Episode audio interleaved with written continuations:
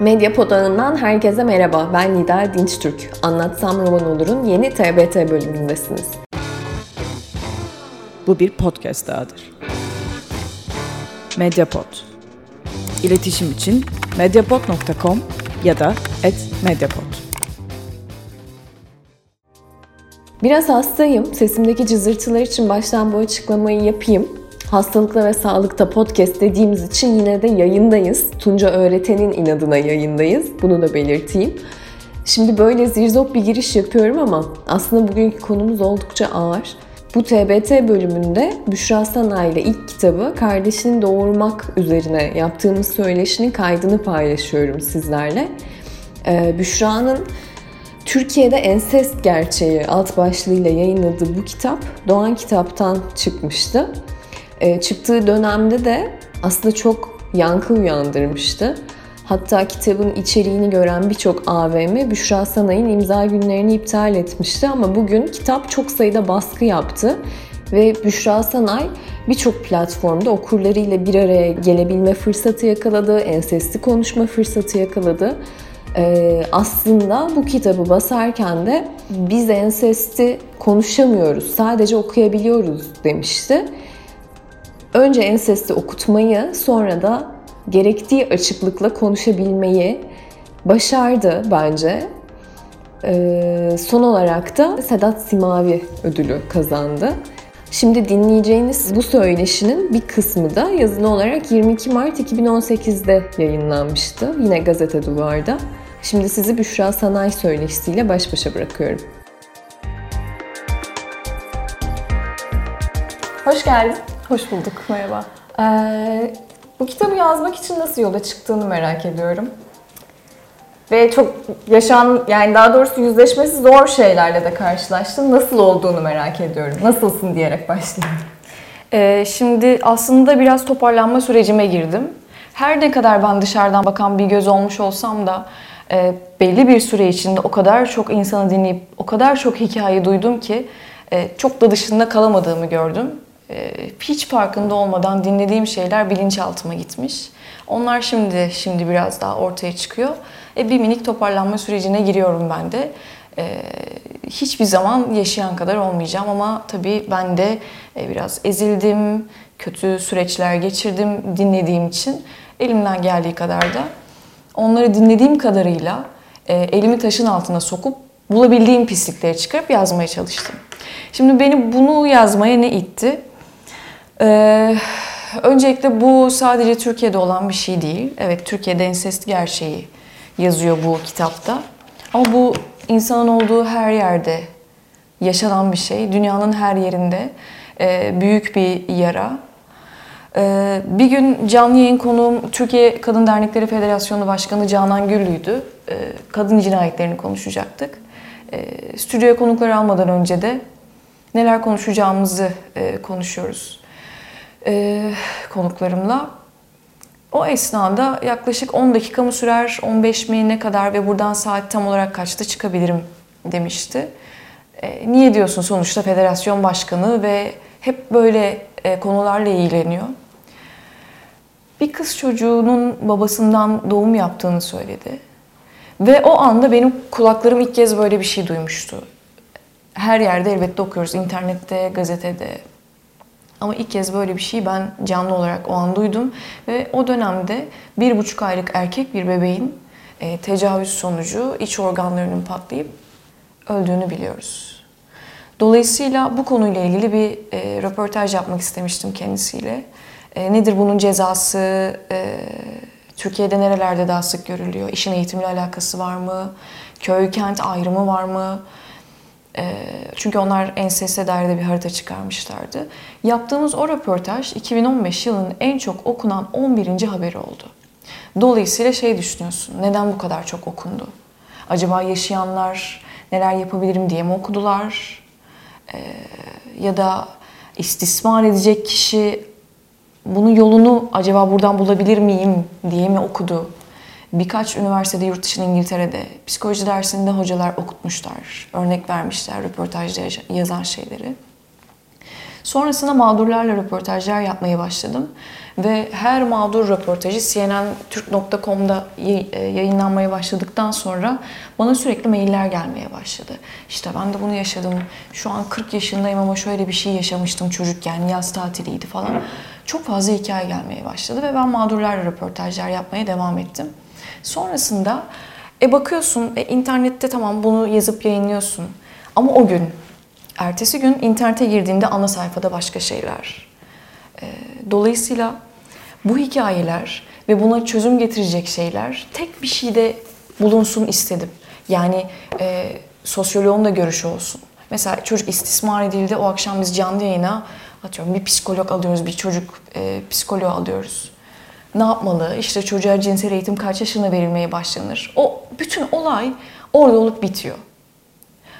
Ama o kadar arka tarafı var ki ve o kadar mücadele verilmesi gereken bir süreç ki.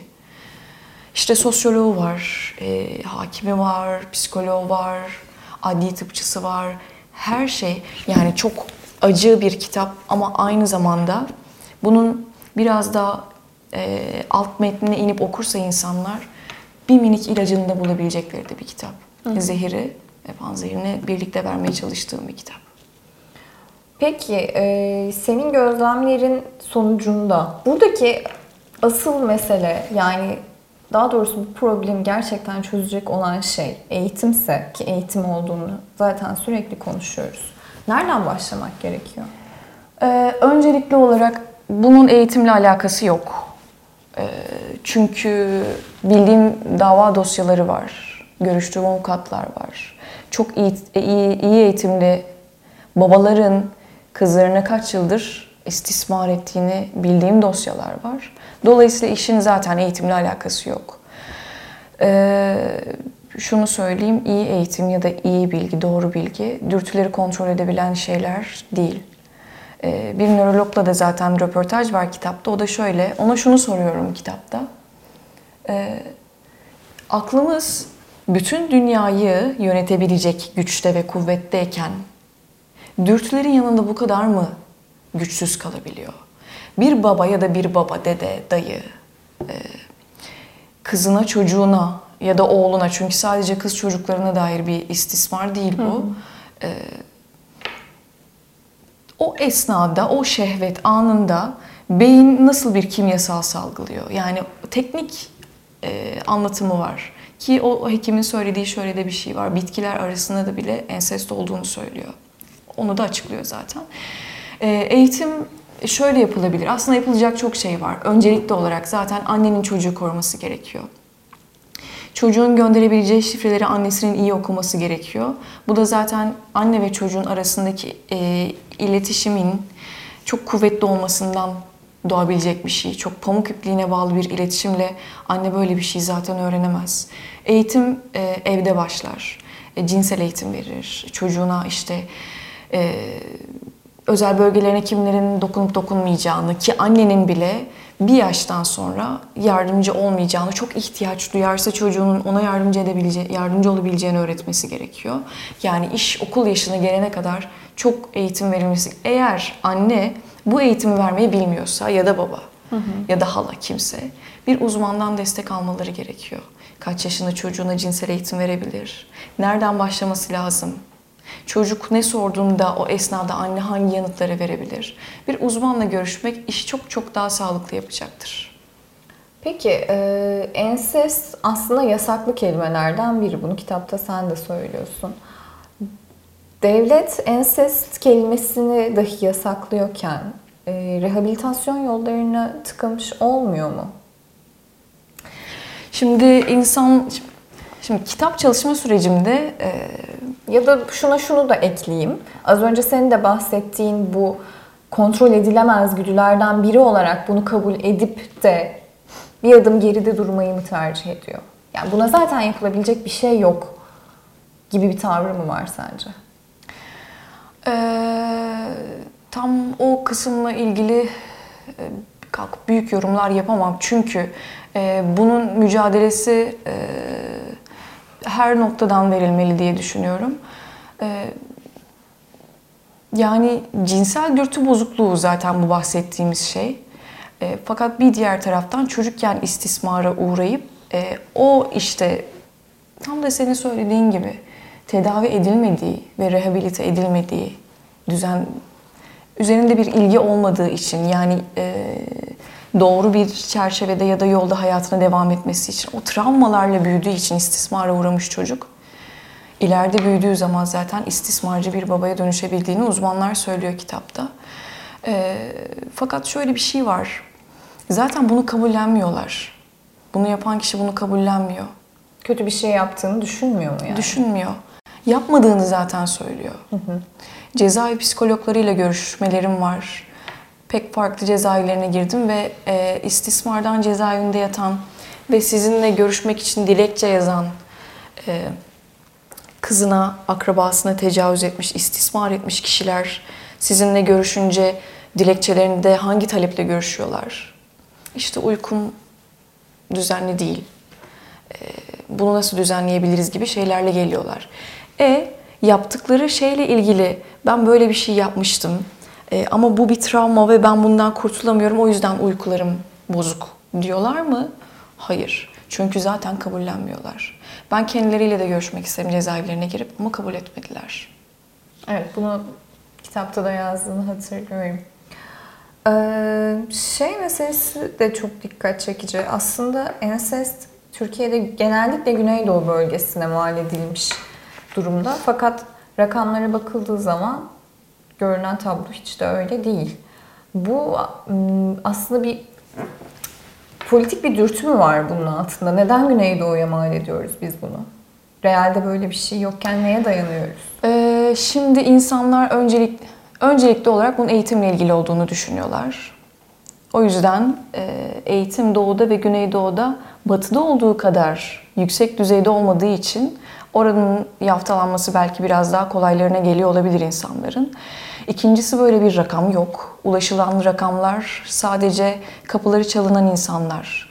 E, kapıları çal- çalınıp sorulmayan milyonlarca insan vardı. Dolayısıyla e, rakamlar e, herkesi kapsayabilen ve tam net e, tabloyu ortaya çıkarabilecek rakamlar değil. Ki benim yaptığım anket çalışmasında da öyle. 2023 öğrenci üzerinde bir anket çalışmam var kitapta. Belki birazdan onu konuşuruz. Oradaki rakamlar bile sadece e, üniversite çağındaki çocukların ensest algısı üzerine bir çalışma. So- sonuçlar da çok çarpıcı. Onlara da birazdan değiniriz ama e, Güneydoğu ve İç Anadolu'ya biraz daha yaftalanmasının sebebinin eğitimden kaynaklı düşündüklerini ve sonuç olarak orayı söylediklerini düşünüyorum. Ama öyle bir şey yok. Türkiye'nin her yerinde var. Ee, İstanbul'da yok mu? O kadar çok var ki. Karadeniz'de yok mu? İç Ege'de yok mu? Ege'de yok mu? Akdeniz her yerde var. Konuşmanın başında söylediğim gibi insanın olduğu her yerde olan bir şey bu. Bağımsız medyaya destek olmak için patreon.com slash medyapod. Ee, bu dünyanın birçok yerinde yaşanıyor diyorsun bir taraftan da. Biz ne kadar yüzleşiyoruz, dünya bununla ne kadar yüzleşiyor? Mesela Finlandiya bununla yüzleşebilen ülkelerden bir tanesi. Ee, programlarda enseste maruz kalmış insanlar çıkıp yüzlerini saklamadan ve ses renkleri değiştirilmeden çıkıp neler yaşadığını orada anlatabiliyorlar. Çünkü oradaki insanlar biliyor ki onlar utanacak bir şey yapmadı. Onlar mağdur edildi. Biz arkadayız çünkü biz bunu konuşmuyoruz bile. Neden az önce bahsettiğim röportaj 2015'te en çok okunan haberlerinden bir tanesi oldu? Çünkü biz ensesti konuşmuyoruz. Çünkü biz ensesti okuyabiliyoruz. Dolayısıyla alacağımız çok fazla yol var. Yapılacak, getirilecek cezalar belki daha farklı olabilir. Evet yani ceza meselesine ben de geleceğim ama ondan önce bu TV programlarına değinmişken şu yorum sana ne dü- düşündürtüyor onu da merak ediyorum. Ee, bizim aslında çok hoş görmediğimiz gündüz kuşağındaki kadın programları biliyorsun böyle artık casusçuluk oynuyorlar. Ama bu arada da birçok e, gizli kalmış istismar, ensest, korkunç olaylar gün yüzüne çıkıyor ve toplumun bunu konuşmayı reddeden, bunu bilmeyen birçok kesimi bunlarla karşılaşıyor. Yani böyle bir işlevi olduğu da konuşuluyor bu programların. Sen Ama son dönemde ona evrildiğini biliyorum ben. Evet evet eskiden kayıpları Çünkü- buluyordu. Fakat bu kayıp Kayıpları buluyordu. Erkek ve kadın evlendiriliyordu. Ama şimdi onlara yasak geldiği için biraz da e, Tabii eskiden bunu yapan bulma bir kişi vardı. ve hikayelerini anlatan insanları programa çıkarmaya herhalde evrildi bu programlar değil mi? Çok televizyon izlemediğim Ben için. de bilmiyorum açıkçası. Yani TV izleyicisi olarak Ama yaptığım bir yorum söylediğin değil. şey çok doğru. Oradan bence şuraya çıkabiliriz. İstendiği kadar üstü kapatılsın. Her yerden çıkıyor. Geçenlerde Esra Erol'un programında çıkmış böyle bir olay. Çocuk babasını arıyor yıllar sonra ve dayısı çıkıyor. Hı, evet doğru. Ve bunu babaları biliyor. Ve çocuğu evlatlık verdikten sonra o abi, o kız kardeş ve o baba aynı evin içinde yaşamaya devam ediyorlar. Her yerden çıkıyor. İstendiği kadar konuşulmasın. Yaşanmamış olsa da mesela sen ben yaşamadık ama çıkalım sokağa. Bir kişiye soralım böyle bir şey duydunuz mu? Mutlaka duyan çıkıyor. Adının ensest olduğunu bilmeyebiliyorlar ama mutlaka bunlar yaşanıyor. Adının ensest olmadığını düşünüyorlar ya, diyorsun ya bu çocuklarla yaptığın anket sonuçlarından bahsedelim biraz evet. Edelim. Ee, çocuklar yaşadıkları şeyin ne olduğunu farkındalar mı ya da kendilerini Maalesef. neye göre korumaları gerektiğini biliyorlar mı? Şimdi öncelikle ben bu anketi kim üzerinde yaptım ve neden onları tercih ettim? Ee, bu bence kitabın en büyük ayaklarından bir tanesi. Benim için çok önemli ki çok uğraştım bu böyle bir anketi ortaya çıkarmak için. Çünkü bir şeyleri okumaktan ziyade belki e, rakamlar insanların biraz daha aklında kalabilir diye böyle bir çalışma yaptım. Ee, üniversite öğrencilerini seçmemdeki sebep Türkiye'nin her yerinden gelen profillerin bir çatı altında buluşuyor oluşuydu. Ee, tıp fakültesi öğrencileri, hukuk fakültesi öğrencileri, iletişim fakültesi öğrencileri, e, tüm bunlardan bağımsız güzel sanatlar, bir de edebiyat fakültesi. Neden hukuk? Çünkü cezayı veren insanlar Onlar olacaklar. hukuktan çıkıyor. E tıpçılar, çocuklara raporu veren kişiler tıptan çıkıyor. E iletişim olayın medya ayağı. Ne şekilde yazarlar, ne kadar görünürlüğü var. E, edebiyat fakültesi öğretmenler oradan çıkıyor ki olayın olayı en birinci gözle gören, e, çocuğu iyi gözlemleyebilen, e, gördüğü değişiklikler sonucunda ona biraz daha yaklaşıp aradaki güveni arttırıp o iletişimi, onun hikayesini öğrenebilen kişiler eğitim fakültelerinden çıkıyor. Ee, küçük değiller. 18 yaşında üniversiteye giriliyor. Ve üniversite eğitimin son noktası. Sonrası tercihe bağlı. İstersen yüksek lisans yaparsın, doktora yaparsın, yapmazsan üniversite eğitimin e, son ayağı diyeceğimiz yer. Sonrasında hayata atılıyorsun. E, küçük değiller. E, haberleri takip etmiyorlar mı? E, ortamlarda ne konuşuyor bunlar?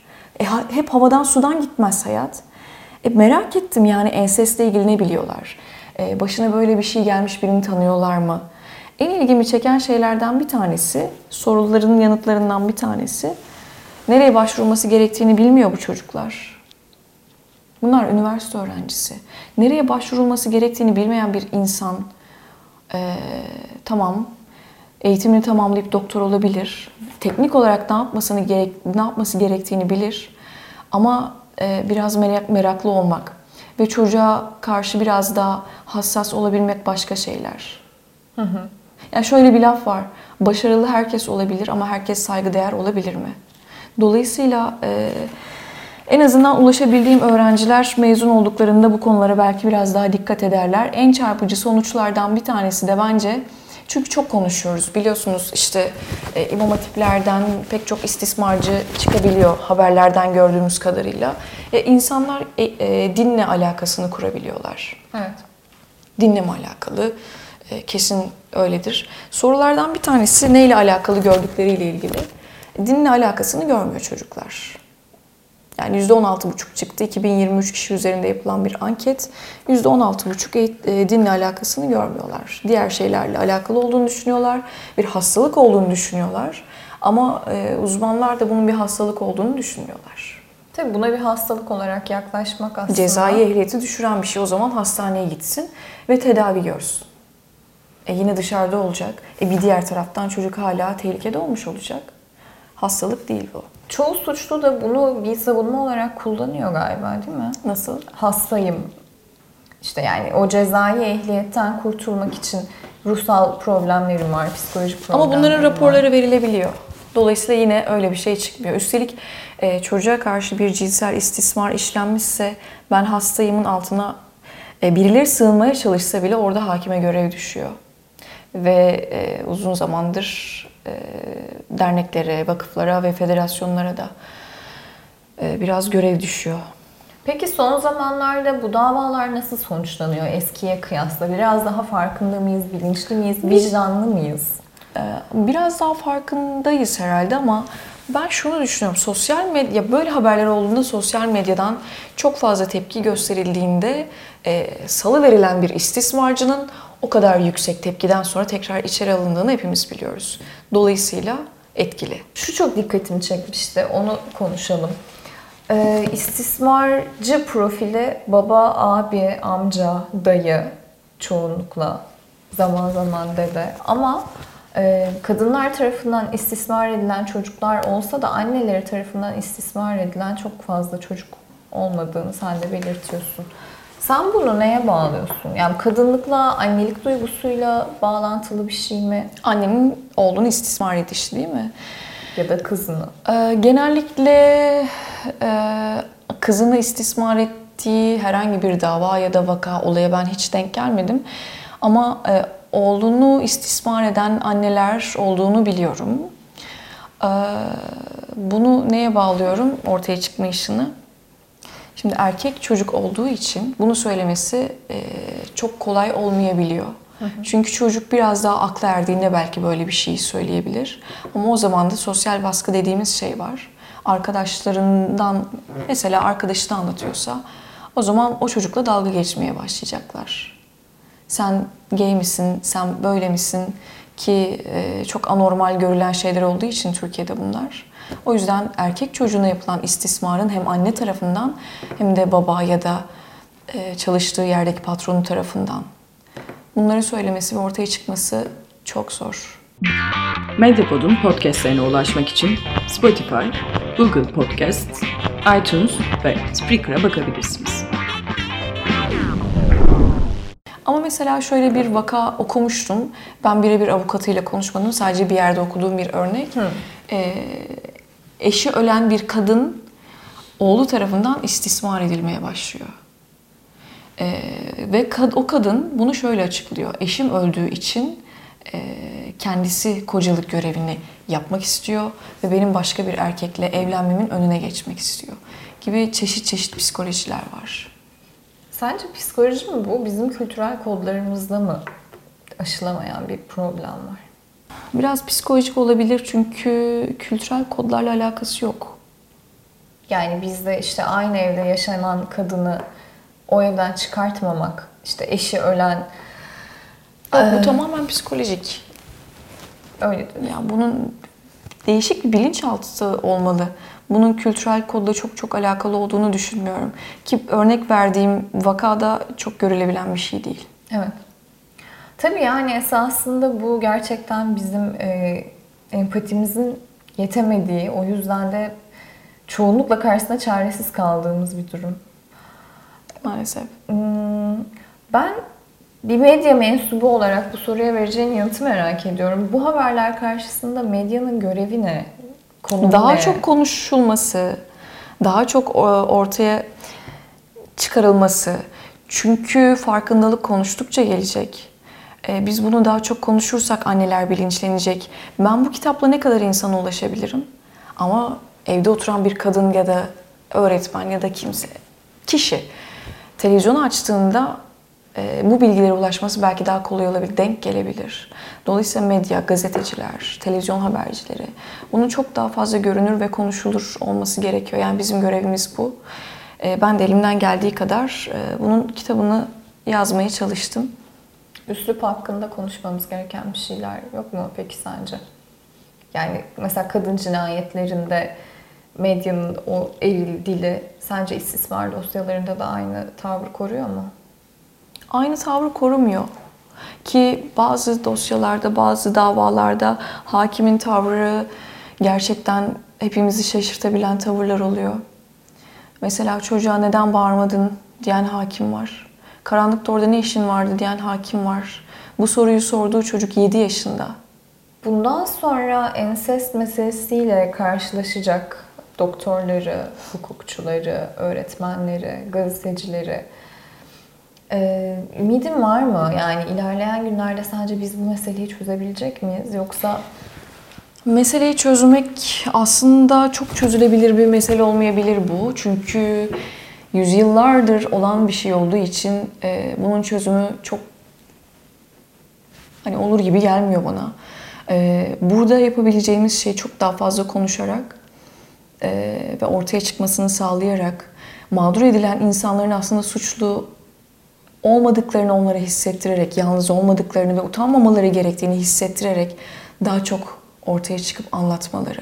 Fakat çeşit, çok çeşitli sebeplerden susuyorlar. Anneleri de susuyor, çocuklar da susuyor ki çocukları tercih etmelerinin en büyük sebebi zaten çok kolay kandırabiliyor oluşları. Bir diğer taraftan risk grubu engelliler. Ee, doktorların e, daha dikkatli olması gerekiyor. E, çok dikkatli olan hekimler var biliyorum. Hukukçuların çok daha dikkatli olması gerekiyor.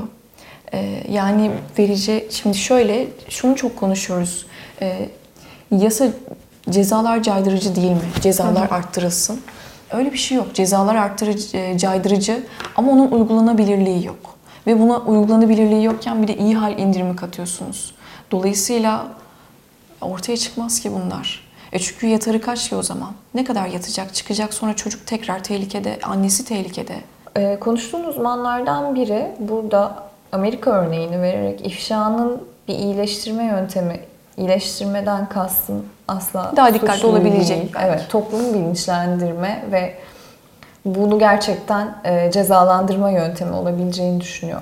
Bizde bunun uygulanabilirliği sence mümkün mü? Sosyal medyayla yaptığımız şey sence bu mu? Bir taraftan biz idamı tartışıyoruz. Gerçekten doğru yol bu mu? Şimdi e, Amerika örneği benim de gerçekten çok tuttuğum bir örnek. Keşke Türkiye'de de olsa.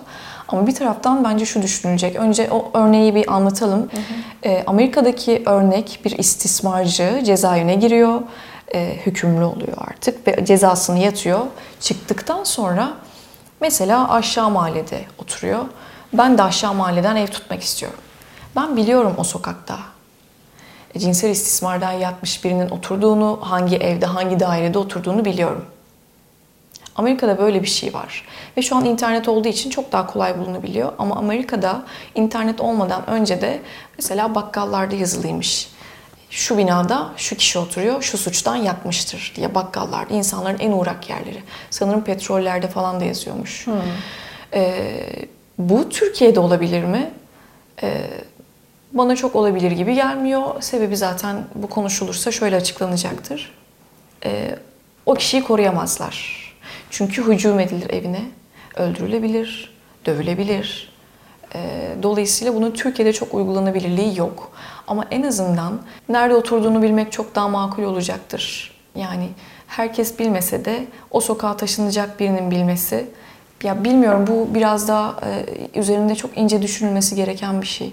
Ama ifşa bence çok doğru. Çünkü bu insanlar neden çocuklara bunu yapıyorlar? Çocukların konuşmasından korktukları için dolayısıyla ifşa olmaktan korkuyorlar. O zaman ifşa edeceksin. Belki e, çünkü şöyle bir şey var. Ceza yedikten sonra e, cezasını yattıktan sonra çıktığında o kişi bunu yapmayacak diye bir garantisi yok ki. Sonuçta burada cinsel dürtü bozukluğundan bahsediyorsun. Ve bunun içeride bileylenmiş olması bana çok mümkün gelmiyor. Sadece içeride yapmış olduğu şeyin kendi içinde teatisini yapabilir. Ama çıktığında tekrar o yaptığı şey ona cazip gelebilir bir çocuğu gördüğünde. Bunun, o da bunun garantisini veremez. Yapmayacağım tabii ki der çünkü kimse ayrılmak ekşi demez. Dolayısıyla çıktığında yapabilir. Ee, bu arada Amerika'da bir de şöyle bir şey var. Ee, istismardan yatan kişiler çıktıklarında okul servis şoförü olamıyorlar. Okullara belli bir uzaklıkta yaklaşamıyorlar. Okulda hademe olamıyorlar. Ee, öğretmen olamıyorlar zaten. Bu gibi şeyler e, son dönemde bu komisyondan çıkacak kararlar da buna benzer bir şey olacak gibi geliyor bana. En azından işte okula belli bir yere kadar yaklaşabileceğini tahmin ediyorum. Bakalım ne çıkacak. Komisyondan yana ümidin var mı peki? Ee, Ee, bu konuyla ilgili çalışma yapılıyor olması büyük bir ümit. Ee, yani ne çıkacağını görmek lazım. Ümidim var. Çünkü yeter ki bu konu konuşulsun. Ee, ama e, hani bu konuda çalıştım. Belki fikir almak isterler. Ben neler gördüm, uzmanlar neler söylüyorlar, dernekler ya sahada olan insanlarla biraz daha konuşulması gerekiyor. Komisyonun komisyondan çıkacak fotoğrafı etkileyebilecek bilgiler verilebilir. Sahada çalışmış insanlar bu tür bilgiler verebilirler çünkü. Sahada çalışmış insanlardan bahsetmişken çok temas ettin onlara. Birçoğuyla karşılaştığını düşünüyorum hatta. Sence yeterlilik düzeyleri yani şöyle karşılaştığın personelin ne kadarı gerçekten bu işi çözmeye çalışıyor? Ya da ne kadarı bu işi sadece yapmış olmak için yapıyor?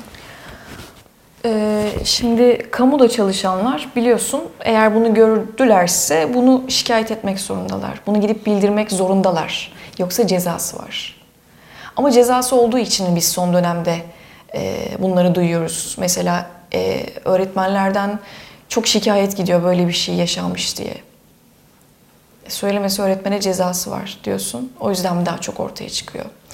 Şimdi şöyle konuştuğum öğretmenler gerçekten bilinçliler ve hiç kıyamıyorlar öğrencilerine. Çok dikkat ediyorlar. İletişimleri kuvvetli. Özellikle ilkokul öğretmenleri e, çocuklarla iyi temas ettikleri için bir değişikliği sezdiği zaman çocuğa yaklaşıp e, işte neyin var yaklaşmıyorsun. Ço- çocuğun yanına oturuyor.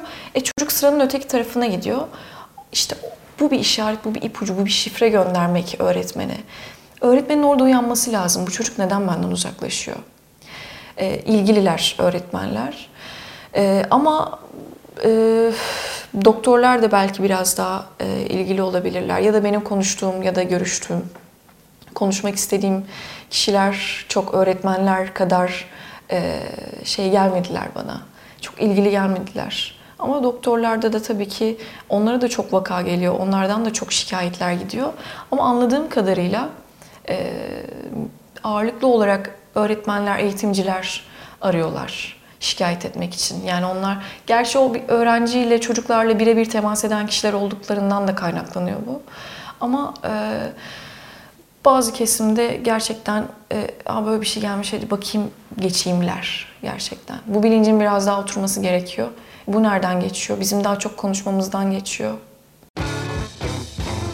Bu bir podcast dahadır. Mediapod. İletişim için mediapod.com ya da @mediapod.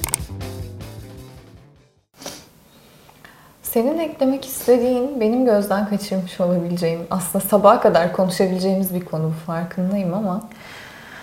Ee, benim söylemek istediğim şey özellikle anne ve öğretmenlere e, olabilir. Anneler çocuklarıyla arasındaki iletişimi ne olur güçlendirsinler.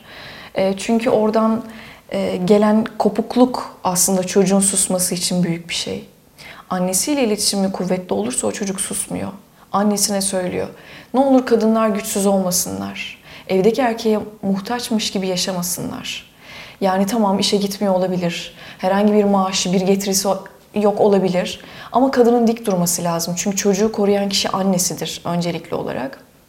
E, ve çocuklarına lütfen e, özel bölgeleri ve cinsel bilgiler versinler, cinsel eğitim versinler. Çocuklarının sorduğu hiçbir sorudan kaçınmadan onlara açık açık yani anlatabilecekleri düzeyde, karşı tarafın anlayabileceği kapasitede anlatmaya çalışsınlar. Ama çocuklarının gönderdiği şifreyi ne olur alsınlar. Çocuk annesine diyor ki, anne babamı çok seviyor musun? Anne diyor ki evet. Anne babam olmazsa ne yaparız? Kadın diyor ki baban olmazsa biz ne yaparız? Faturalarımızı ödeyemeyiz. Yani burada bunu söylüyor ve çocuğun orada çocuk aslında şifre gönderiyor. Hı hı. Mesela annen demesi gerekiyor ki neden böyle sordun? Söyle bakayım çocuğum neden bunu sordun demesi, böyle yaklaşması lazım ama anne öyle söylediği zaman e, çocuk diyor ki babam olmazsa o zaman biz mahvoluruz. Ben susayım. E, çocuk pısıp kalıyor, e, istismar edilmeye devam ediyor. Dolayısıyla anne ile çocuğun iletişimi çok önemli. Buradan geçiyor bu. Ve eğitimciler. Peki.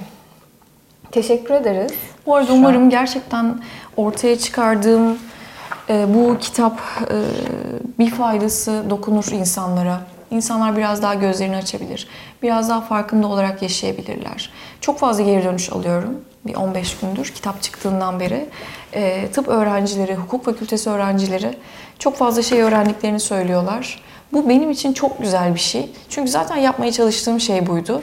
Bir sosyolog, bir hoca, bir tıp fakültesi hocası, bir hukukçu bunun içinden herhangi bir cümle alıp saatlerce sınıfta bunu tartışabilirler. Burada çok fazla başlık var, çok fazla konu var. Altı çizilmesi gereken çok yer var.